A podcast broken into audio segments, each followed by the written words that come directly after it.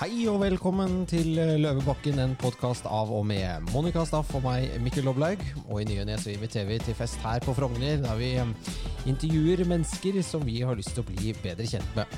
Men som dere sikkert har fått med dere, så har det vært en lang pause. Vi har faktisk ikke spilt inn noen podkaster siden uh, mars. Men det har helt naturlige årsaker, som vi skal faktisk eh, snakke litt eh, om i dag. Så det kan hende at det blir litt nedstemt eh, stemning, men vi skal holde, vi skal holde tempoet oppe. Men Monica, ja, vi pleier å si hva har skjedd siden sist, og det er vel endeløst mye?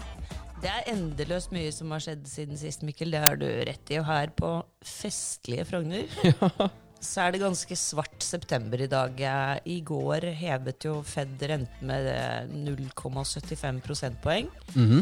Og Norges Bank har nylig, bare for sekunder siden, hevet renten med 0,5 prosentpoeng. Ja, så nå koster det penger å låne penger. Nå koster det masse penger å låne penger. Før så var det jo gratis. Penger på gaten, som man kaller det. Og um, strømprisene vet jo alle har skutt i været pga. politikerne våre har solgt strømmen vår til Europa og Ja. skylder på Putin. Ja. Når prisene går i taket. Det Uredelig, som vanlig, den gjengen der. ja, er det Ser vi for oss en sånn finnbullvinter, kanskje?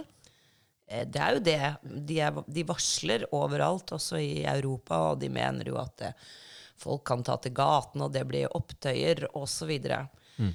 Eh, vi, eh, vi får se, da. Og det handler jo bitte, bitte, bitte lite grann om eh, krigen som Russland eh, driver mot Ukraina. Eh, for det er noe gass der som tyskerne har gjort seg avhengig av. Ja. Eh, Hvilket jo må være nummer én idioti jeg har hørt om noensinne. Litt godtroende, kanskje? Ja, Det er Har du liksom- tenkt over det at eh, tyskerne alltid fører Europa ut i ulykka? For at de har sånn der, de, har et sånn, de, er veldig opp, de er veldig moralske. De tar alltid veldig sånn harde beslutninger. Eh, sånn Ja, nå var det det grønne skiftet, da. Legge ned alle atomkraftverkene sine og alle kjern... Altså kullkraftverk. Og så importerer vi strøm fra eh, Russland for at uh, tyskerne skulle være best i klassen, og så har det gått til helvete. Annen verdenskrig så skulle jo lage Lebensraum og Det tredje riket, og det skulle være så bra. Det gikk jo også til helvete. Det er dritten Reich. Ja, Første verdenskrig, dritten, dritteriket, og første verdenskrig, eh, allianser og histen og pisten. Altså, tyskerne, de, de er liksom flinke til å gjøre det sånn ordentlig bad da, når de først setter i gang. Ja, de går på en måte i sin egen felle hele tiden. Mm. Og de marsjerer i takt. Alle energivende, og så går alle den veien. Ja. Og så gikk det ikke det, da. Nei, og det er jo fryktelig naivt, egentlig, mm. av Merkel å tro at eh, Nei da, vi gjør oss litt avhengig av Russland, vi, for det har jo, så, det har jo gått så bra før. Ja, de er til å stole på. Ja. Men i det hele tatt, den derre litt naive mm, hva skal jeg si, globalistpolitikken som har drevet de siste mm, 10-15 årene, er jo tuftet på at alle mennesker er snille og gode og vil hverandre vel. Ja, Men historien viser vel at uh, det er mye grådighet, det er mye maktsyke der ute, som eh, er menneskelige egenskaper som ikke lar seg undertrykke. ja, det er, ja for vi er jo natur, holdt på å si naturbarn. Altså, vi er jo et dyr, vi òg, som styres også av lyster og hva skal jeg si, naturlige instinkter. Naturlige instinkter, ja. Men, um, men det jeg kunne tenke meg, altså det, egentlig så lever jo vi i unntaket, hvis du ser på verdenshistorien, da, la oss si 3000 år, eller 10 000 år, det spiller ingen rolle, men eh, det naturlige og på en måte normaltilstanden er jo undertrykkelse, diktatur og krig. Og så har vi i ja, 100 år, eller knapt nok det, i Europa hatt en periode der det har vært stille og rolig og veldig bra. Eh, For all del eh, slik det bør være, men det er kanskje unntaket. Det er kanskje unntaket. ja. Når du sier det på den måten, så ser vi jo også på en måte verden fra vårt perspektiv, da, fra det europeiske perspektiv og det amerikanske perspektiv. Men hvis du ser på Sør-Amerika, Afrika, eh, Midtøsten, så har det jo ikke akkurat vært sånn peace and quiet de hundre årene som vi snakker om, heller. Nettopp. Det er jo en eller annen konflikt på gang et eller annet sted. Absolutt hele tiden. Til enhver tid. Ja, det stemmer, det. Og hva handler det om? Jo, det handler jo om eh, altså, Hvis du skal si det veldig enkelt, da. Penger. Penger, ressurser. Ressurser. Tilgang på energi, råvarer og eh, mat. Det er Ja. vel det egentlig krig handler om. Ja. Ja. Sånn, eh, sånn s- satt det veldig enkelt. Eller da jeg studerte krig og fred og sånn i England, så var jo krig er jo bare London noe School Love of economics. Eh, krig og fred og sånn, så er jo egentlig krig er jo bare en forlengelse av politikk og diplomat, diplomati. Altså der politikk og diplomati ikke fungerer, så kriger man. Så det handler jo bare om at én part ønsker å tvinge en annen part til å gjøre noe den andre parten ikke vil. F.eks. vil ha noe av dem, eller tvinge dem til å gjøre noe. Og så til slutt så bruker man militæret for å oppnå de politiske målene man eh, har satt seg, da. Mm, eller at man forsvarer det man har. Ja, eh, det, men for å forsvare det du har, så må du jo først bli angrepet. Så det er gjerne en part som vil ha noe av deg. Mm. Eh, Så, så, er, så, så krigens dynamikk den er jo alltid vært slik i 1000 år. Eller 2000 år. Altså det, er alltid, det er alltid det samme. Det er alltid en, eh, en aggressor. Eh, Og en, en som forsvarer seg. Mm. Så etter andre verdenskrig og Nürnberg og alt dette her, så man, har man jo da hatt en eller annen sånn naiv forestilling om at vi, aldri mer krig. Ja, vi har jo prøvd. Vi har hatt FN. Har, altså det er jo masse svært gode tiltak for å unngå krig. Og jeg, man kan jo si sånn at Europa har jo bare vært en jævla slagmark i tusen år. Altså, det var prøysserne mot uh, Hanover, mot ungarerne, Polen Altså de, de, de, Tøskere igjen. Tøsk, ja, ja, franskmenn. Altså det var jo, altså Med våren så kom jo alltid en eller annen hær marsjerende over åkeren din og brant alt du hadde og voldtok alle i, i landsbyen. Alle konene. Alle konene. Og, jo, jo, men altså fra romernes tid eh, eh, altså Sommeren var forbundet med konflikt. da. Det har jo vært krig i Europa i ualminnelige tider. Folk blir hissige i varmen, vet du. Ja, og så er det noen som har lyst på noe, da. Mm. Så det er ikke rart at, eh, at polakkene var, er litt sånn nedstemte og negative sånn, eh, i folkesjelen når de hvert år, enten så var det franskmennene, eller så var det russerne, eller så var det prøysserne, eller så var det noen som bare marsjerte gjennom landet deres og tok alt de hadde. Så det var ikke noe vits å spare på noe. Det var bare å drikke seg full og, og, og spise opp all maten med en gang, før prøysserne kom, eller ja, eller noen andre. Ja, Så det er en grunn til at alle disse polakkene ser litt dystre ut. Eh, eh, Det er kanskje- nedarvet. Eh, Kanskje. Sånn folkesjel Jeg vet ikke. Det skulle vært morsomt å liksom eh, gått litt inn på det. For jeg, jeg tror faktisk at historiske hendelser påvirker eh, folkesjela. Det gjør jo det. Kanskje vi må ta en studietur til Warszawa? Ja, det kan vi gjøre. Hvorfor ikke? Som er gjenoppbygget igjen. Som ser veldig bra ut. I gamle dager når jeg var på fiske, Ja. Så var det noen av gutta, disse sunnmøringene, hadde fritur, og da tok de hjem. Da var de, hadde de vært i Warszawa. Reiste til Warszawa. Jeg vet ikke hvordan de kom dit. Nei. Nei, jeg spurte hvordan ja, Nei, men tok ei drosje. Å, herregud. De kjørte taxi fra Hareid til, eh, til Warszawa. Ja, så de var så rike den gangen. De, det var den gangen man ble rik av å fiske. Man blir vel Ikke nok med det, men han ene kom, Thomas kom tilbake med Han hadde blitt forlova. I Warszawa. Ja. Det er ikke dårlig. Sikkert veldig bra opplegg. Ingen som var ute etter pengene hans Nei, nei, Nei nei, nei nei, nei da. Overhodet ikke. Det var en liten avsporing her. Nei. Så dette med, med strøm har jo vært en stor ting, og det begynte jo egentlig i rundt uh, årsskiftet. Så det var jo ikke noe nytt for oss i mars når vi måtte legge inn årene, fordi um, eh, Ikke av deg, Mikkel, eh, men av meg og min familie, som Ja. hadde da en mann som har vært syk over tre og et halvt år, og som var tiltagende dårlig. Ja, for det har jo ikke vi kanskje snakket så mye om i denne podkasten. Men eh, Monica, du har jo da eh, Din mann Lars Staff ble alvorlig syk med kreft for tre år siden? Fire år siden? Ja, 20, julen 2018-2019. 2018-2019, ja. Eh, og hva, hva slags kreft var det? Det er en kreft som heter gallegangskreft. Ja.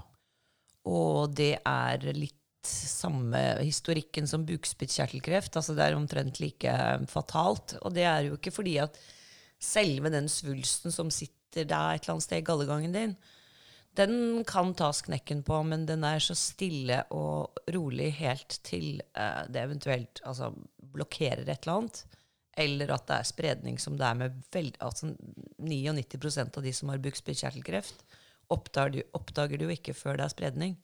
Og da er det Da er, det- er for sent. da er det for sent, ja. Stort sett. Så øh, dette er jo veldig personlig og vondt å prate om. eh, Men jeg tror også det angår veldig mange i Norge, dette med kreft og behandling. Vi har jo en, eh, ja, en eh, Shabana Rehman, som vi kjenner jo godt, har jo også blitt veldig dårlig.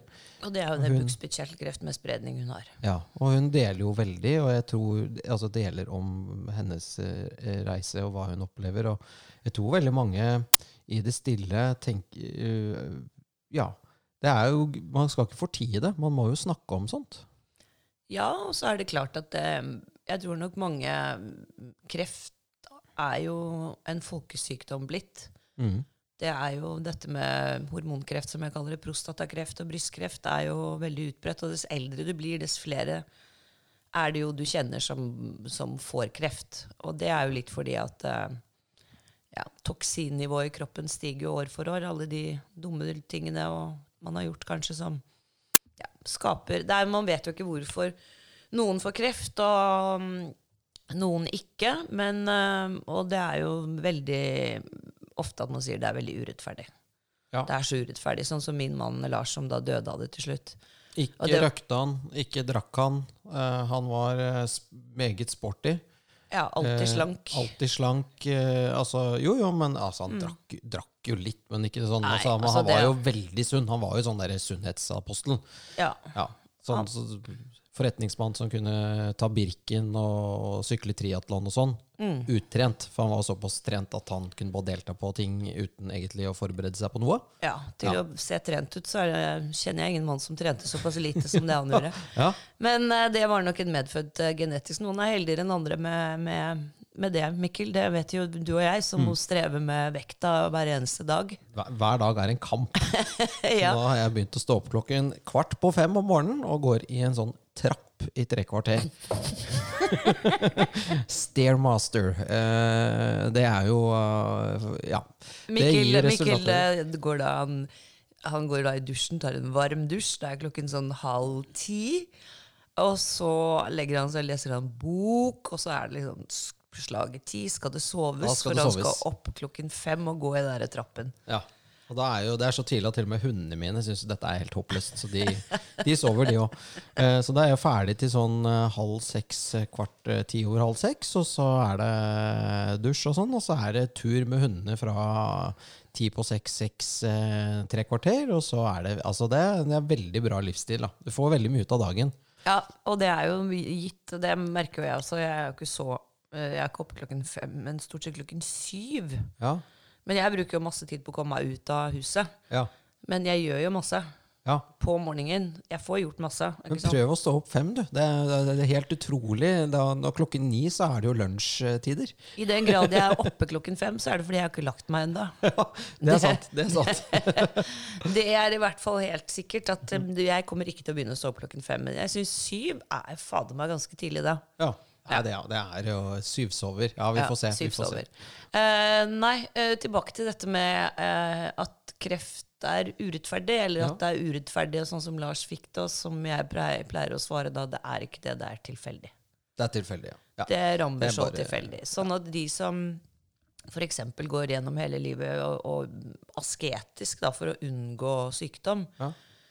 så tenker jeg at det, det blir litt det blir litt øh, drøyt å Ja, Hva gjøre. slags fordi- levd liv er det, da? Et sånt, Ja. du, lever et helt liv i Askese.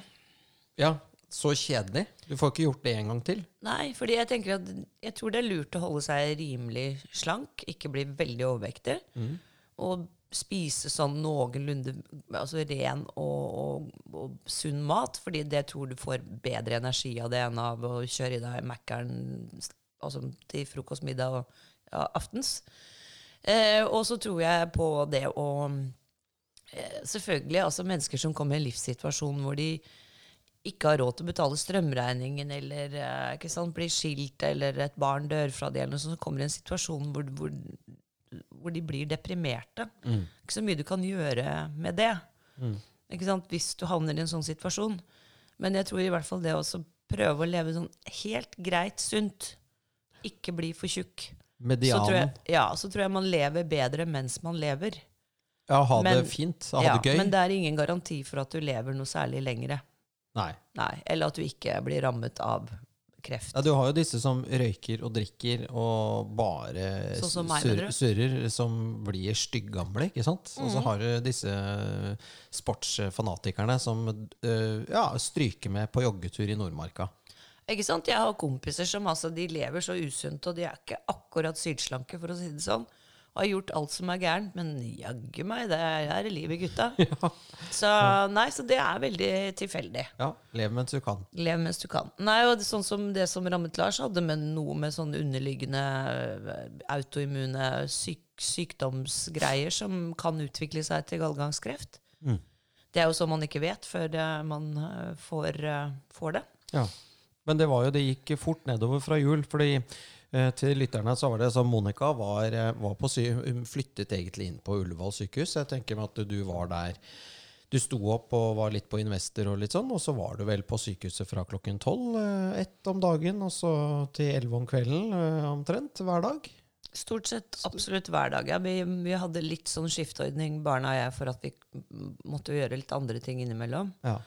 Så, og gutta, og ikke minst Nora, min datter, som helst ville ha vært der døgnet rundt. ja. Um, så, men det kan man jo ikke, for da blir man jo helt eh, utslitt. Så man må liksom hjem og sove og kanskje gå en tur i frisk luft. Eller jeg pleide å gå faktisk frem og tilbake til Ullevål en del. Mm. Men det er jo Bare for å få jævlig å være syk, men det er jo ikke noe uh, hyggelig å være pårørende heller. Det er jo en veldig sånn En situasjon der du er avmakt. Eh, du får jo ikke gjort noe.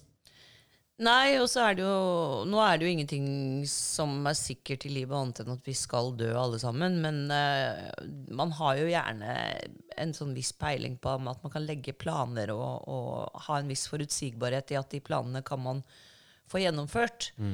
Men det er klart, sånn som når han ble syk og først ble operert og hele det altså Det er en slags unntakstilstand. Ja, hele, alt blir satt på, på, på hold. Ja, og du får liksom en, eh, en diagnose som sier deg at endgamet er dårlig. At eh, dette kommer ikke til å gå bra. Du vet bare ikke hvor lang tid det tar. Og hvordan det vil spille seg ut i mellomtiden. Og det som er med norsk eh, helsevesen, er jo at de har vel stort sett to ting de kan tilby deg som kreftpasient. Det er eh, cellegift og stråling. Ja. Nå har jo um, immunterapi blitt litt mer um, også brukt i det offentlige, og det fins jo private klinikker, bl.a. her i Oslo, som tilbyr immunterapi. Men uh, ja, det er en uh, Hva skal jeg si det, det er en behandlingsform som er i en tidlig fase. ja, det er nytt. Det er det er, nytt. det er, er sånn upløyd mark. Ja, Ja. Og kan ikke brukes på alle krefttyper. Og, ja, det er, eh, så det er nytt. nytt, og foreløpig litt uh, det, er ikke eksperimentelt lenger, det vil jeg ikke si, men de, de har ikke klart å, å hva skal jeg si, utvikle immunterapien slik at den kan ta alle krefttyper. Ja, men, det ligger, men så dere prøvde det. Vi prøvde det til slutt. fordi først så var det cellegift, og så uh, lærer man jo Man lærer jo litt om eh, ting man egentlig ikke har så lyst til å lære noen ting om. Uh, men i hvert fall sånn som uh, det de var redd for, eller det man frykter da med sånn spredningskreft, er jo at den skal ta leveren eller lungene. Altså når den begynner å ta vitale organer, så er eh, løpet, løpet kjørt. Ja. Og leveren har altså du, Hvis du har hørt om folk som får hjernesvulst, det høres jo veldig, veldig veldig altså det er sånn, ja, det høres ikke noe digg ut. Nei, det er sånn du tenker ok, det er bedre med liksom liten tarmkreft enn å ha kreft i hjernen. Inni hjernen. Ja. Men det som er, er at hjernecellene er de sterkeste cellene vi har i kroppen, og det er de som tåler stråling aller best. Oi. Mens leveren har de svakeste cellene i kroppen, og leveren kan ikke stråles i det hele tatt. Nei. Så for lever så har du kun cellegift. ja. Og ehm, da har du litt sånn begrenset options på, på ting. Det har du.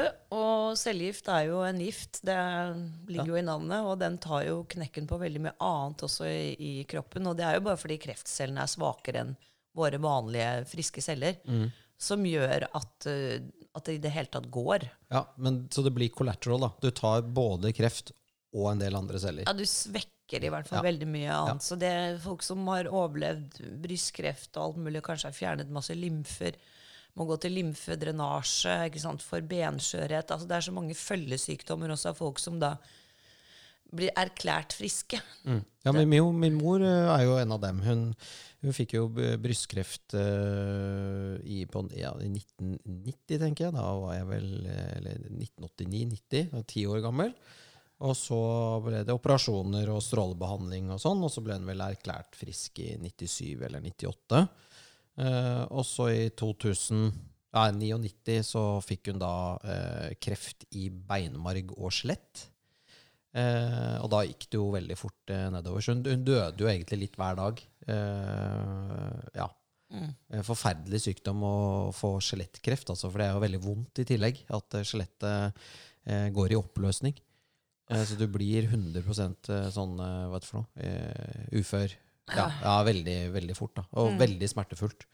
Så det, Det er ikke mm, noe smertelindring for det, eller? Nei, det er mye morfin, da, sånn, så du blir jo morfinist. Da, men, uh, så hun hadde det grusomt. Uh, eh, jeg gjorde jo noe som var litt sånn alternativt den gangen. Da. Så jeg hadde hørt at det var Hvis man røkte joints Ja, nå kommer hele. Norge til å bli kjempesinte her. Eh, men det er jo en, en debatt rundt det også.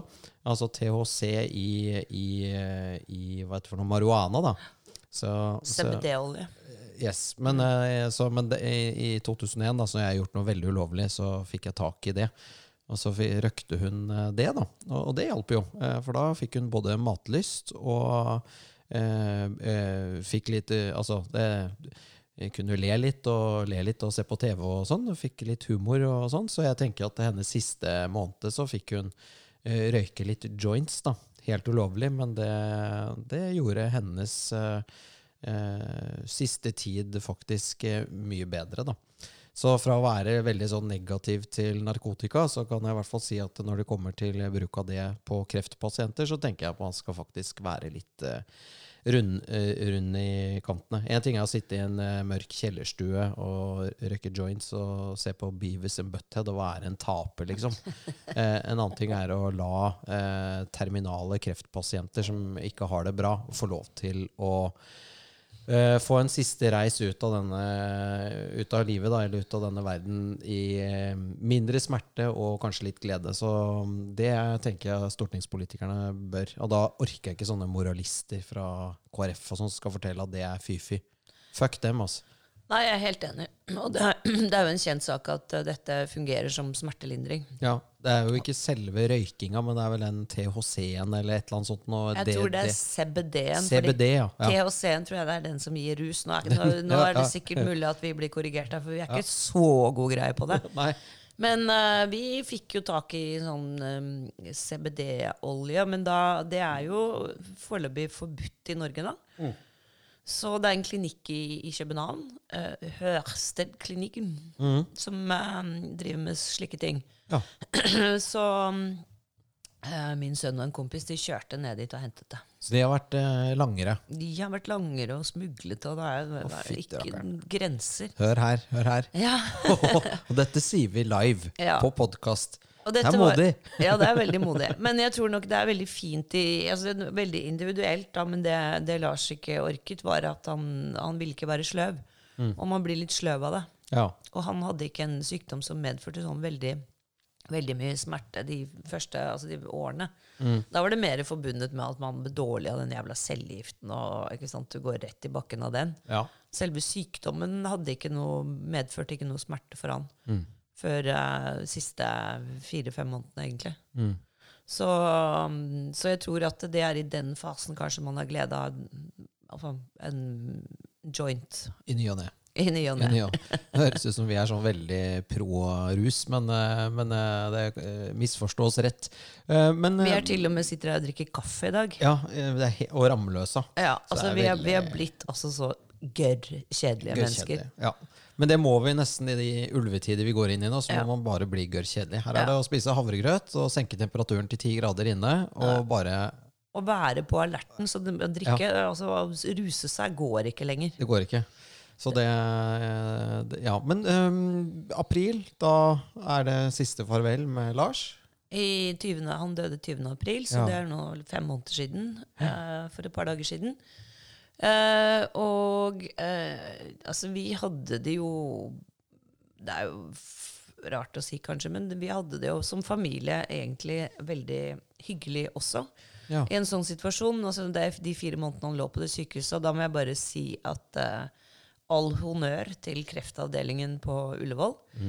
Hvor han lå i da alle disse månedene og hadde altså, ti dren ut av kroppen. Altså det er et voldsomt styr med skylling og rensing av dren flere ganger om dagen. Og kreftsykepleiere som altså verdens søteste, flinkeste eh, folk. Mm. Utrolig dedikerte til, eh, til jobben sin, og utrolig gode til å rett og slett være positive. Som jo er veldig viktig når du ligger i, i en sånn situasjon. Og eh, da vår onkolog Arne Westgård, også et eventyr av et menneske, han, eh, han eh, kjøpte en ukulele til Lars fordi han hadde fått litt sånn lammelse i to fingre av cellegiften. Og da mente Arne at eh, det å spille ukulele ville trene opp de fingrene hans. ja. Så han kom da hver kveld før han gikk hjem fra jobb, kom han innom for å lære Lars et nytt grep eller to På ukulelen. på Det er helt fantastisk. Det er jo, det er jo helt rørende. Altså, ja, helsevesenet i Norge, det er bra. Det er faktisk eh, veldig, veldig bra. Og så kan du si at de, de eh, redskapene de har til rådighet, de kan jo, det er jo ikke noe de styrer, at man PT kun har cellegift og stråling. Det er politiske beslutninger. Det er politiske beslutninger, ja. Og, og det har også noe med godkjennelse av legemidler og hvordan det fungerer i Norge i forhold til f.eks. Tyskland. Fordi vi dro jo til Tyskland uh, via litt Ja, vi var også i London og tok noe som hvor du kan ta metastaser, altså kreftsvulster, med elektrosjokk. Oi. Noe som heter nanoknife. Mm. Den teknologien, altså De har muligheten til å gjøre det her i, i eh, Norge også, men den blir ikke mye brukt. Det er sikkert fordi det er kjempedyrt. Mm. Og kanskje vanskelig. Sikkert, det også. ja. ja. Men via da han professoren der borte i London, så ble vi anbefalt å ta kontakt med et sykehus i Frankfurt som driver da og, og forsker på en eh, kreftvaksine, som de kaller det. Ja. Ja, Det er jo ikke egentlig forebyggende. Eh, En vaksine er jo noe som skal forebygge. Ja. Men de kaller det vaksine, men det er jo immunterapi, da. ja. Så vi, vi startet på det, og det, det fungerte. Og der, fordi du, I Tyskland så kan du gå inn og bruke medisin som ikke ennå er godkjent som legemidler, som er liksom, i en fase to-studie. Det er sånn, ja, godkjennelse av legemiddel går Du starter med fase 1, og det er egentlig bare for å se om den medisinen tar livet av noen. Fase to er da, tar man gjerne større utvalg av mennesker, så ser man om noen som får og ikke får, altså sånn placebo-greier. Og hvis man ser at det funker, så går man over i en eh, fase tre-studie. Men så si at dette her var sånn fase to, da. I Norge så vil du aldri kunne få bruke en sånn medisin på noen, selv om de skriver under på at dette er frivillig, osv. Det er jo lang historie kort. Men vi gjorde i hvert fall det. Og um, den eh, vaksinen Vi fikk tatt tre, tre runder nede i Frankfurt med den. Og den eh, tok nok knekken på en god del kreft. Men det er klart at det var kraftige saker, så det er vanskelig å si hvordan den sånn når alt kom til alt, eh, at den eh, virket. Den kan jo også ha tatt noe annet, det, fordi det Ja, er eksperimentelt. Ja.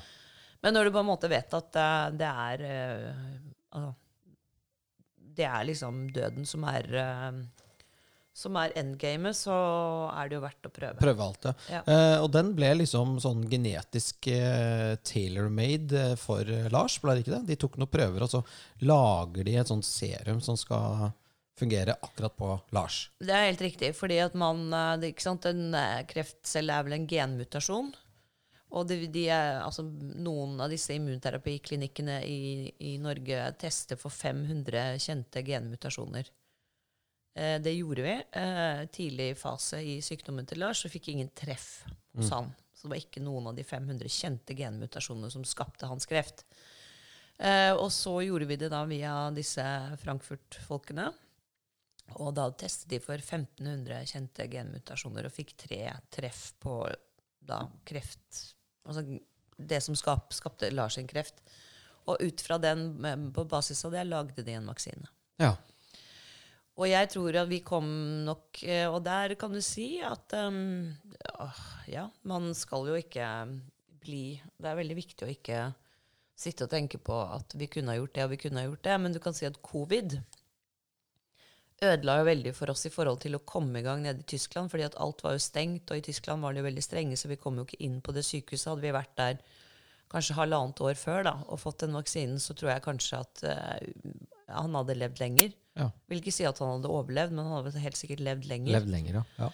Så nedstenging av samfunnet, covid, alt dette her sånn i retrospekt, det um, var ikke positivt for uh, hans sykdom. Nei. Og når vi ser på covid nå, som alle har hatt det Jeg har i hvert fall hatt det. En, Ja, kanskje to, to ganger. ganger. det, det er dronning Margrethe har det nå, Mm. andre gang. Ja, så, så, og, ja. Så den nedstengingen av samfunnet må man stille en ganske stort spørsmålstegn ved. eh, I etterkant, ja. Mm. Ja, absolutt. En ting er når den sant, det oppstår. Eh, det var vel 12. mars 2020, er det ikke det? Ja, da kan man stramme til. Da er det klart at det å stenge da og liksom bare få oversikt over situasjonen, den ser jeg. Men uh, disse årene hvor de har holdt på med det uh, Jeg eh, Jeg tror ganske mange begynner å føle det samme. At Mm. det her Jeg tror Raymond Johansen også mente det at det, det er uh, Han skriver det i boken sin, at, at det, det, Har du ikke kjøpt siste- boken til Raymond Johansen? Jeg har bare hørt Hva er det for noe? Referat. At eh, den eh, rett og slett eh, Den siste nedstengingen i fjor, før jul og sånn, det var helt håp... Altså, det var bare tull. Ja. Ja. Så det var sånn eh, Man bare gjør det fordi eh, Kanskje det sitter noen i Helsedirektoratet og syns det er gøy å ha litt makt, eller vet, eh, vet ikke helt hvordan det er. Men det, er vel, det var vel Jonas eh, sin måte å vise handlekraft på. fordi at det er jo det eneste disse politikerne klarer å, å gjøre. De klarer jo ikke å, å, å skape noe, men det å liksom stenge noe eller liksom pålegge befolkningen noe skatter eller avgifter, det er de kjempeflinke til. Men sånn som nå når de følger situasjonen nøye Jeg tror han har fulgt situasjonen nøye nå i hvor lenge er det? Ni-åtte måneder. Ja, Fulgt situasjonen veldig nøye. ja, ja. ja. Mm, med klokskap. Med klokskap, faktisk. Det er veldig mye klokskap ute og går. Men altså, det Ja. Ja. Don't get me started. me started. Mm. Men um, bryllup, bryllupet sier jeg, nei, det ble feil. Begravelsen. Eh, grunnen til at jeg sier bryllup, er at jeg kom jo til eh, et fullsatt Ullern kirke. Eh, og der var det jo pyntet med hvite ballonger og sånn, så et øyeblikk der eh, så tenkte jeg kanskje at det hadde kommet feil. For det var en, en av de mest nydeligste kirkene og begravelsene jeg har vært i. Jeg tror det var kanskje 900 eller 1000 mennesker der, for at det sto folk overalt. Det var helt, Jeg har aldri sett så mye mennesker eh, på, på Ullern kirke. Jeg måtte jo parkere nede ved gamle eh, det der hagesenteret nedi der. Olsens. Olsens enke å gå opp. ikke sant? Det var jo helt spinnvilt. Det var biler overalt og folk overalt. Eh, Ullern kirke tar 800 personer. ja, men det var flere enn det der. Det var det nok, ja. Ja. Og en fantastisk eh, rørende og flott eh, bisettelse. Eh, ja. Ja. Eh, Nei, det, det er klart at det er jo veldig hva skal jeg si, flott for oss å se. Nå gikk han jo bort i en alder av 61, så det er klart at da mm, har man jo eh, ikke sant? Dør du når du er 90, så er, jo, er det jo ikke så mange som møter. Er Av naturlige årsaker. eh, men allikevel så er det klart at dette var helt ekstraordinært. eh, Og det var veldig godt for oss å se hvor mange, som, ja, mange liv han hadde berørt. Og hvor mange som ønsket å være der og mm. se han liksom vel av gårde. ja. Og en veldig flott seremoni. seremoni. Flotte taler. Og Mm. du var jo også det, Du får jo latteren eh, i oss eh, til å, til å Jeg vet ikke om det er eh, ulovlig å le i en begravelse, men eh, du hadde jo en tale eh, Hva var det du sa? Ja ja, kjære Lars. Så var det eh, av en eller annen grunn eh, du som skulle dø av leverskader? Nei, eller, jeg, nei, var det jeg sa vel at eh, det er jo helt utrolig at den av oss to som skulle dø av leversvikt, var deg. ja, ja. Så det, du er jo veldig flink til å si de riktige tingene, Monica. Og det var jo eh, veldig trist, og, men også veldig flott. Og litt humor er jo lov å ha i, i alt det mørke. Ja, det, det var vi jo veldig opptatt av hele veien, og ikke minst Lars selv. fordi at under covid så var det jo fryktelig dårlig business for alle disse begravelsesbyråene, ikke sant? for det var jo ingen som døde. Og det husker jeg Lars sa en gang jeg gjør i hvert fall så godt jeg kan. Ja, og så, For å skaffe de så da fikk de tikket inn 1-0 der. Ja. ja, ja. Nei, så det er klart at um, eh, Som sagt, vi skal alle dø, så det med døden og kanskje ufarliggjør den litt, selv om uh, det er klart at Du har jo opplevd å miste en uh, mor eller, og far. Du Ja, har jo mistet samtidig, begge dine foreldre ganske tidlig i livet, og mine barn mister jo faren sin. Mm. Eh, de er godt nok unge voksne, men allikevel. Det, Mm. ja, det er tidlig Ja. mm, Det er aldri hyggelig. Det er, man ønsker jo at, at Hyggelig at- er vel litt det, det, er- svakt. Det, er- det er svakt å si. Nei, det er ikke noe Jeg tenker på dronning Elisabeth som ble 96. Det er jo sånn, det er verdig. Da, da, da går det jo ut i tiden uh, vel blåst, well done. Altså, og jeg tenker også en del jeg har en bestemor til to venner av meg som ble 104. Og jeg tror hun på slutten husker jeg når hun var sånn 99 år. Det var veldig morsomt, det, for da hun lurte på om hun ville være med meg på flytur, og det hadde hun ikke lyst til, for hun var så redd for å dø. Og så sa hun sånn, nå er du 99, så det er jo kanskje en av de uh, mer spektakulære måtene å reise på. Så det var hun faktisk eh, litt enig i, så hun ville være med på tur, da.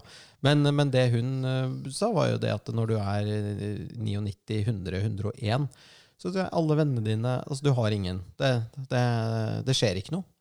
Det, hverdagene er eh, eh, litt kjedelige. Nå var jo hun veldig morsom, da. eh, For jeg husker vi hadde vært på en eh, middag, og så ble vi invitert på nachspiel hjem til henne. Klokken, eh, klokken var vel tolv om natten. Da var hun fylt 100, og da hadde hun pyntet seg. Da kom vi fem eh, smokingkledde unge menn eh, hjem til eh, henne. Og da hadde hun laget eh, martinis og satt på jazzmusikk og pyntet seg og hadde på seg Dior og diamantgreier, og det var en eh, Vi holdt på til to. Det er jo ikke dårlig til å være 100 år gammel. Nei, det er veldig Ja, kult. men det var jo gleden i livet hennes, at vi kunne komme på besøk. Mm. Og bortsett fra det, så var det ingen andre, andre der. Nei, og Derfor er det viktig skjønner du, Mikkel, å holde seg med litt yngre venner. Ja, Man må alltid holde seg med noen yngre yngre har, venner. har party og moro. Ja, Ja. for for- akkurat, akkurat det der er eh, Det er jo trist når man blir ikke sant? Man ønsker å bli så gammel som mulig og holde seg så frisk som mulig. Eh, og hvis man da blir det, så sitter du der alene fordi alle de andre vennene dine har tatt kvelden. ja. Det er jo veldig trist. Det er, ja, nettopp. Og det, så det, og det tror jeg kanskje mange må tenke over litt òg. At det, det å bli gammel er bra, men du må ha god helse. Eh, Det er jo folk som blir 70 som er kjempeslitne, og så har du folk som er 70 som går Birken. Ja. Så du velger jo selv eh, hvordan alderdommen din også skal være. Ja, og så kan du få alt mulig sånn ikke sant? Jeg vet ikke, du blir sånn krokete for sånn leddgikt, og, og så kanskje man blir benskjør og alt det der. Liksom, kanskje det er bare med altså, arv, arv å gjøre, da. Ja, jo, jo, vi har Det er arv- ikke så mye du belastet. ja, Så jeg tenker at det er, det er liksom ønsketenkning. Det er litt sånn Sånn som for min del, da, som da ikke Når du tenker på at det, det blir enkefru i en alder av Ja, du er enkefru Staff. 40, som jeg er. Ja. ja, det er ikke en dag over 40. Ikke en Ja. dag over 40. Du er faktisk yngre enn meg. Ja. Ja. Eh, det er jo selvfølgelig eh, absolutt ikke det man ønsker seg. Nei. Ikke sant? Men så må man liksom tenke litt sånn at eh, og da jeg var sammen med Lars i 40 år, vi var gift i 30 av dem og har fått tre fine barn som har liksom skikket seg vel, som det heter. Mm.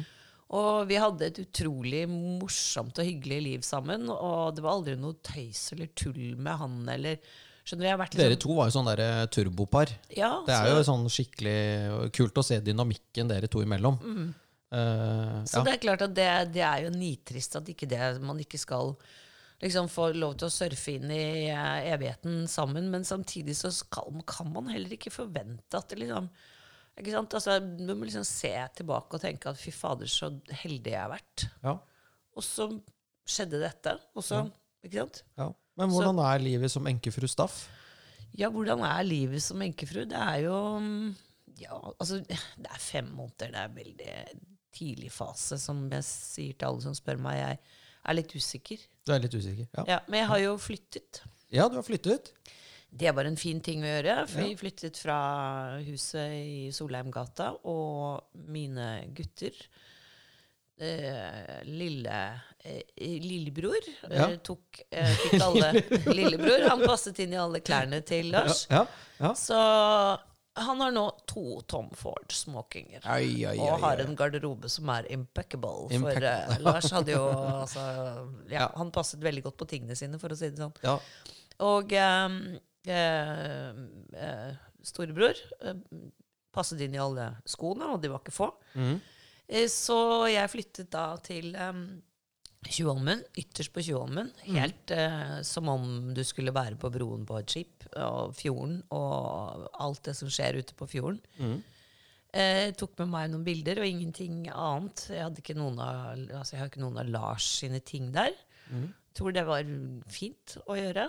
Ja. Eh, få liksom en, en helt annen En ny epoke, på en måte, litt Ja. i livet. Ja. Man må liksom bare tenke sånn at man må liksom bare restarte litt. Ja. Og akkurat nå så er jeg jo veldig barnslig begeistret over alt som skjer på den fjorden og ned på den badebryggen, og folk bader faen meg enda det er, altså, de, de, er, de er gærne. Det er Ja. sånn, jeg står opp klokken syv, så da er det full fres. Det er full fres nedpå der. Ja, ja, det er vinterbading og sommerbading, og, Ja, ja, og- i regn og snø. Ja, ja. Det er helt altså, Ja. ville tilstander. ja. Så der bor jeg nå, og har um, da ikke sant, Ja, jeg har jo arvet en investeringsvirksomhet som jo, la meg si sånn, er utfordrende for tiden. eh, med alle mulige eh, ting. Det går opp og ned på børsen. ja, det går, ned. mest, det går vel mest ned, ned, eh, Mikkel. Ja, Det har vært et eh, fryktelig år. Og alle vennene dine flytter jo nå til Sveits. Alle venner flytter til Sveits. Mikkel, Mikkel og jeg venter nå bare på å bli rike nok, fordi vi har funnet ut vi er ikke rike, Vi er ikke nok. rike nok til å flytte til Det Sveits. Det, det er så surt. Ja, ja. For vi skal jo ha tenkt å flytte til Lugano, vi òg. Lugano. Ja, Mm. ja. Jeg, har, jo bodde i Sveits da jeg studerte noen år. eh, I Det er fint i Lausanne. Sveits, altså. Veldig fint i Sveits. Det Ja, er det. Lausanne også er nydelig. Det er nydelig. Og Montreux òg. Montreux ja, det er, egentlig er hele Sveits ganske bra. Ja, det er fint der. Men, altså. eh, men det er jo litt kjedelig der, men det tror jeg ikke det, Jeg tror du finner deg noe å drive med eh, ganske fort. Jeg tror ikke liksom, de som flytter til Sveits, har det kjedelig der. Bjørn altså- Dæhlie kan sikkert gå på ski. Og, ja, det er jo holde på med det han driver dritfint med. å gå Ja, på ja. ski der. Altså Alle tror det bare er liksom alpint i, eh, i Sveits, men det er det ikke. Nei. Det er mye langrennsmuligheter langrennsmuligheter også. Og det er jo i St. Moritz så har du dette Engadin-maraton hvert år, hvor du går uh, altså, det er ski, langrenn. Langrenn, ja. Om Mm. sommeren så er det jo sykling, og, og de har jo Altså Vi er jo glad i å gå i fjellet i Norge, og vi har Galdhøpiggen, og det er masse, og, og Horungana og Falketind og Mm. alt mulig rart. Men uh, det eh, blir blekt sam, sammenlignet med sveitsiske og Ja. østerrikske og italienske alper. ja, det er noe helt Ikke annet. sant? Det er noe helt annet. Jeg sier Det er ikke noe til forkleinelse for de norske fjell, som Nei. jeg er veldig glad i. Men hvis man liksom skal Hvis man er glad i det alpine landskapet og går tur i fjellet, da er nok Sveits et veldig greit utgangspunkt. Helt enig. Ja, Nei, Sveits er faktisk et utrolig eh, vakkert land også. ja det er veldrevet. Det er, dette, nå er vi, hopper vi litt sånn over til vår tid. Da. Altså, Vi er ferdig med Enkefru Staff, og det, Mm. Vi det går bra. vi kan komme tilbake sort, til det. Vi kan komme tilbake til ved senere anledninger. Nei men- ja. man går ikke kledd i sort, men uh, man uh, Jeg mener jo at um, Unnskyld den harkingen, altså, men eh, jeg er vel Covid, Det er vel covid, long- ja. long covid. Long covid, ja. Eh, så um, syns jeg at man i begravelser Så syns jeg man skal kle seg i sort. Ja. Det er en slags respekt i det. ja, det er det. det er Altså, vi er jo kanskje i overkant opptatt av dette med riktig antrekk til riktig tid, men det har sin funksjon. ja. Sort slips, eh, mørk dress, hvit skjorte, mørke sko. Mm. Ja, Ferdig. Ferdig. Ja. Nei, men det er jo um, men, um, men, eh, men, eh, men tilbake til uh, Sveits. Sveits. Ja. Altså, jo, jo, men altså, det er et bitte lite land. De har ikke olje, de har ikke gass, de har ikke fisk. De, har ikke, de har egentlig ingenting. De er stokk konservative. Og det går så det griner. Det er, et, det er ikke et dårlig land å bo i. Det er ikke verdens verste land. De er, scorer høyere enn Norge på mange ting. Så det er veldig rart at de får det til, da. Eh, mens vi her i Norge renner over av penger, og alt skal liksom alt eh, være så grusomt at man må til og med ta en befolkningsgruppe. For det er det det er snakk om her. Ja. En minoritet skal tas. Ja, en minoritet, faktisk. ja, det er faktisk eh, 380 milliardærer i Norge. Det er ikke flere. Nei. De skal tas. Og hvis du liksom snakker om å ta folk hele tida, så skal du ikke bli litt sånn Det er veldig rart da eh, at du Det kan jo hende at eh, hvis du blir truet med bank i skolegården hver dag, da, så, så, så, så, kan, du så kan det hende at, noen, at, det- at du bytter skole, da, og så står de som truer med juling og blir liksom indignerte for Nei, men Det har ikke noen å banke han stakk jo! Vi hadde ikke tenkt å banke han så mye. uh, ja, men uh, Nei, men he- helt, helt, helt seriøst. eh, det er en veldig, dette er egentlig Dette må vi nesten ta på en, en neste podkast. Vi skal få inn noe sånt som kan snakke om Sveits og sånn. Skulle vi ringt til Kjell Inge og spurt om han ville komme og snakke litt om Sveits? Om Sveits, ja. Bruke no, en av de 90 dagene han har ja lov til å får være i vi reise ned dit. Det er kanskje like greit. Og ta med studio under armen og reise ned. Why not? Ja, Men vi kjenner jo folk som bor Men i vi kan jo risikere at vi trives så godt at vi ikke kommer hjem igjen. tilbake igjen. Da er det sikkert mange som blir glad. ja, Vi er vel de eneste som kan få lov til å reise til Sveits, og det er faktisk jubel. Så kanskje vi bare skal gjøre det.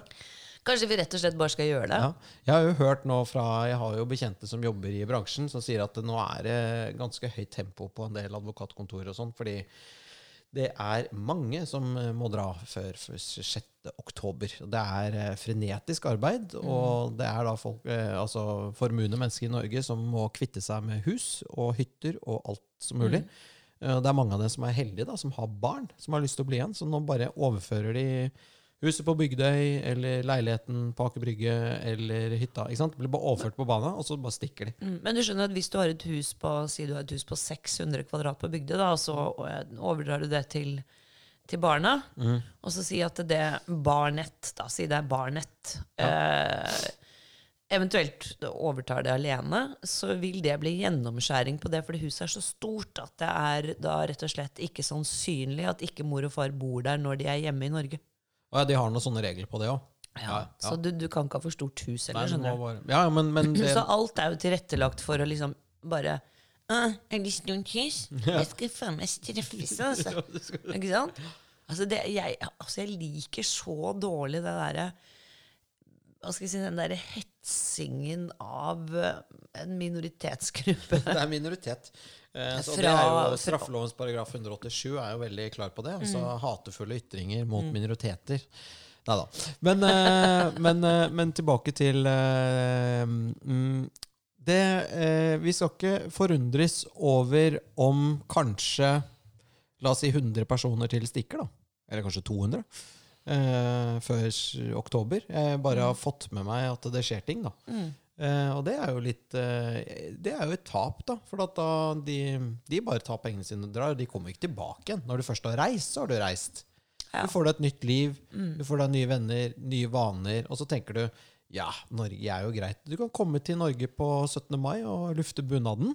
Og så kommer du til Norge på, på noen 50-årsdager eller altså noen sånne runde jubileumsdager. Kanskje et par dager i sommeren. Kanskje en uke om påsken. Og så kan du være i utlandet og kose deg resten. Mm. Ja, Se på Jon Fredriksen og jentene. Ja, De er her på 17. mai. ja. Skjønner jeg veldig godt. De har jo familie her også, noen gamle Ja, tanter oppe på. Eidsvoll og sånn som de besøker. Og, Ja. og litt sånn. Og så kan du være her på sommeren på hytta di.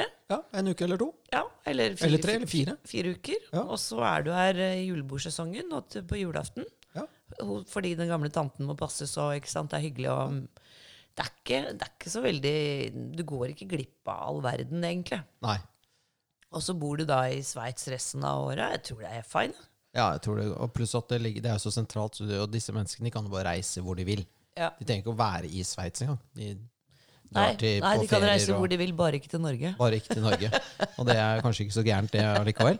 Uh, så jeg tror på en måte man skal bli altså, Hva for noe? Be careful what you wish for. Altså, jeg tenker sånn er, er Norges økonomi tjent med at, uh, at kapitalen stikker, liksom? Jeg er litt usikker på det. Nei, jo, Kanskje kan- ikke gjøre noe når staten eier 60 allik- allikevel. Ja, men du vet at det som Jeg, jeg skal også betale psyko mye skatt i år. Eh, og det er jo litt sånn at eh, man sier man skal betale sin skatt med, med glede. Og det er jo det som liksom er fundamentet for at sant, velferdssamfunnet fungerer. Men jeg ser på hvordan pengene blir brukt. Ja. Det er det som som er eh, hvilken- problemet. Hvilken mangel på kontroll de har med hvordan pengene blir brukt. Og hvor pengene blir brukt, og hvilke prosjekter som liksom blir tildelt penger som altså sånn ikke målbare prosjekter. eh, offentlig sløsing Altså, det er Jeg vet ikke, jeg tror det er den derre Det er det at eh, er så utrolig Den norske staten er så utrolig rik. Det er sånn utømmel, sånn Sareptas krukke. Jo mer penger du har, jo mer sløser du. Det er jo Ja. vanlig. Og det, det, jeg kjenner jo ingen milliardærer eh, som, eh, som, som har sagt at de ikke vil betale skatt. Jeg tror egentlig de fleste vi kjenner som har bra med penger, de syns det er helt greit å betale skatt. Eh, det de er opptatt av, er hvordan pengene brukes. Og der har vi nok en del å hente inn, tror jeg. Altså Bare se på Finland. Det er jo et land som er på mange måter veldig likt Norge. Mye mindre skatteinngang, mye mindre av alt, og bedre drevet. Bedre skole, bra helsevesen. Finland funker. Hvorfor skal det koste dobbelt så mye å drifte Norge som Finland? De har til og med større hær enn oss. Ja. Altså, eh, så Det er dårlig ledelse. dårlig ledelse, og så er det typisk det at når ledelsen blir kritisert, så må de skylde på noen andre.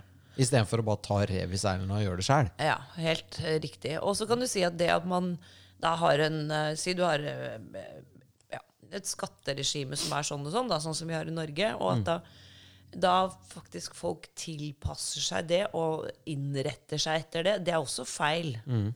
Det blir også kritisert hvis noen liksom faktisk bare innretter seg etter gjeldende regler. Det, det, det er også feil. For at da betaler du for lite skatt. Ja, men dette er gjeldende regler. Og alle vil jo gjøre det, bortsett fra f.eks. sånne som Tajik, som prøver faktisk å lure. Stortingspolitikere de innretter seg, bare at de sier ikke fra om det. Jo, men du kan Så si de at jukser. Når, ja, når du, når, du, når du eh, lager en fiktiv leiekontrakt Ja, for å rett og slett Snaske slippe å bli mer. for- fordelsbeskattet, ja, da gjør det jo noe ulovlig. ja. Men hvis du, hvis du bare rett og slett følger reglene, og av den grunn kanskje da eh, stå med null i inntekt fordi du betaler masse selskapsskatt eller ikke har tatt utbytte, eller hva, hva, hva det skulle være, Mm. det blir kritisert. ja. Ikke sant? Nei, Det er ganske interessant. Det, det som hadde vært morsomt, var om vi kunne fått inn uh, og Tajik? pratet med Ja, eller noen liksom fra venstresiden uh, og snakket litt om For jeg, jeg tror egentlig Enten så er det bare at altså Jeg tror med Rødt så ønsker de jo at ingen skal ha noe. Så, så for dem, så altså Hvis eh, det går masse bedrifter konkurs, så, er det, eh, så tror jeg de egentlig syns det er topp. For at det er staten som skal eie det. Så dette er jo bare en, dette er jo ideologi. Altså, så for dem, om du betal, altså hvis du mister alt du har, slik at du har like lite som, eller mye som Moxnes, så er det bra. Det er målet deres. Men en annen sak er på en måte Arbeiderpartiet og Senterpartiet og KrF og, disse, og Venstre. liksom eh, Høre med dem om rett og slett om de har forstått eh, problematikken rundt formuesskatt. Ja. Og til og med Høyre vil jo ha formuesskatt. Det er ikke det at de ikke vil ha det, de vil bare ha litt mindre enn Arbeiderpartiet. Ja. Sånn at eh, mm, Og så er det liksom Det virker som om den skatten At det er akkurat som om disse formene At det er en sånn pengebinge. Der bare ligger masse penger i et rom. Og så skal man ta ut der eh, og betale skatt. Og det, jeg skjønner jo Jeg hadde også syntes at det var greit å betale formuesskatt om det enda var slik, da. Men uh, veldig ofte så er jo dette her uh, midler som er bundet opp i bedrifter. Altså det er, det er ikke penger, det er ting. Nei, det er jo derfor Røkke må ta ut 600-700 millioner av Aker hvert år for å betale formuesskatten. Ja. Og det, det være seg om det går dårlig eller bra med Aker, for å si det sånn. Ja. Så det er jo en tapping av selskapet. Men tilbake til Moxnes. Ja. Hans liv er jo 'living in the dream'. Ja. Eh, fordi han bor jo gratis hjemme hos moren sin ja. eh, i en svær, flott villa på Nordstrand. Gjør han det? Ja. Ah. Og når han ikke har noe i kjøleskapet, så går han bare i kjøleskapet til mamma, og så forsyner han seg der. Sånn det er jo drømmen til Rødt. Det er jo at de skal få lov til å bo i dette norske huset. Hjemme Helt gratis. Og så skal noen andre betale for maten. Men bor han Og fortsatt hjemme? Han bor i ja, altså Det er jo sikkert sånn Har ikke han fått seg ny generasjonsbolig. kjæreste? Jo, han har fått seg ny Han kjæreste. forlot sin kreftsyke Kone. kone for en ny dame. Ja. Ja. Eh, og, men allegedly, da, så sies det på um, ryktebørsen Ja. eh, Og jeg tror faktisk det er ganske etterrettelig informasjon at um, Moxnes er i Rødt det samme som Trond Giske var i Ap. Altså, han har um, forsynt seg av varene over lengre tid. Og, Og du, det flere er noe varer. sånn me- metoo-greier her. Insinuerer du at han er, en, eh, at han er et bytryne? Jeg sier ikke at det har skjedd noe, skjedd noe metoo. Jeg bare sier at han har appetitt på damer. Ja, ok. Han har Så det behøver ikke å bety at det det har vært noe som altså, Ulovlig. noe Nei, det er jo sånn lov å ha appetitt på damer. Nei, nei, Ja, det er lov å ha appetitt på damer. Mhm. Ja. Så um, Så han k- harva, pløyd og kost seg, da. sannsynligvis. Ja, ja men det, det tror jeg egentlig Det hadde jo vel alle gjort, hvis de kunne. Uh, han, han er jo liksom sånn uh, good looking eh, guy, da. Ja, jeg har alltid lurt litt har på den der litt sånn velpleide har sveisen. Ja, sånn. det er liksom noe sleazy der. Nei, ja, men det, det må være lov å se bra ut. å se på disse tre damene som skulle starte velværeklinikk. Hvordan, eh, det er ikke rart at det ikke er noen norske gründere, vet du, eh, kvinnelige gründere. For hver gang kvinnelige gründere ønsker å gjøre noe, så kommer bare hele norsk offentlighet og bare sabler det ned. Ja, Men da må disse kvinnelige gründerne ha litt grann ryggrad og bare altså, Stå i det. Ja, fordi det, jeg syns det er altså så Ja, det er pinlig. De skulle bare sagt 'dette gjør vi'. Ja, men vet du hva, Disse damene der De har kanskje fått et litt labert terningkast av Jan Thomas i ny og ne, men ellers har de blitt heiet på i kostyme og L, og det har vært sånn 'Å, de er så, flinke'. Ja. Ikke sant? Og Tjelta lager kjoler. med, medvindsspillere. ja, og når de da kommer ut i den virkelige verden og får noe motstand som faktisk er uh, helt uh, reell, jeg er helt enig i, i kritikken, Ja. men da må de vel for fader meg rette opp ryggen og stå litt i det? Ja. Da blir de livredde. De ga seg etter fire dager. Ja, fy faen. Ja, det syns jeg er svakt. Men det var jo, men det var jo uh, Maja Soyartik, nei, Soytarik, som er kommentator i Nordnorsk debatt. Hun har også liksom sagt at eh, ja, vi er sannelig fine salongfeminister. Altså, her kritiserer man disse tre norske gründerne for å starte velveie, vel, velværeklinikk. Eh, men når en eh, dame i Iran blir banket i hjel for å ha gått med hijaben litt langt bak på hodet, da er det helt stille. Det er helt stille. Da er det ingen som sier noe. Nei, vet du hva. Det er bare tragisk. Vi lever i en ganske rar verden. Tragisk. Tragisk. Men du, Monica, en time går fort. Gjør det, altså. Eh, Men til alle lytterne våre, nå har jeg liksom fått oppdatert dere på hvorfor Løvbakken har vært eh, borte en periode. Og det er rett og slett bare helt naturlige årsaker. Så kommer vi sterkere tilbake nå utover høsten og vinteren. Det gjør vi. Ja, det er eh, Det er jo så mye å ta av. Det er jo helt vilt. Altså, er, hvor skal vi begynne? Vi skal jo nå skal både på studietur til Warszawa og til Lugano, så dette blir travelt. Ja, ja, men altså, hvor i herrens navn skal vi begynne? For det er jo så jævlig mye å ta tak i eh, og snakke om. Så jeg vet ikke helt om vi klarer om vi, om, om, om vi makter det. Nei, det kan, altså Dette blir tøft, Mikkel. Ja, ja, det blir en tøff tøff høst. med ganske mye å prate om, da. Ja. Oi, oi, oi. Nei, men uh, hva skal vi si? Uh, send oss gjerne uh, på vår Facebook-side meldinger og sånn. Det hender jo at vi får noen meldinger i ny og ne, Oh yes. og vi leser dem. Ja. Og hvis det er bra, bra info, så, så, så, så, så, så gjør vi noe med det også. Så kanskje noen forslag til temaer? Folk vi vil prate med? Forslag til gjester er hyggelig. Ja, så gjør gjerne det. Og Voksne ja, kanskje vi får med det. Det er veldig bra for vårt ringestudie her på Frogner. Ja, men Kjempebra, Monica. Eh, Ha det bra, ikke det du sier? Jo. Takk for i dag. Sayonara. Sayonara.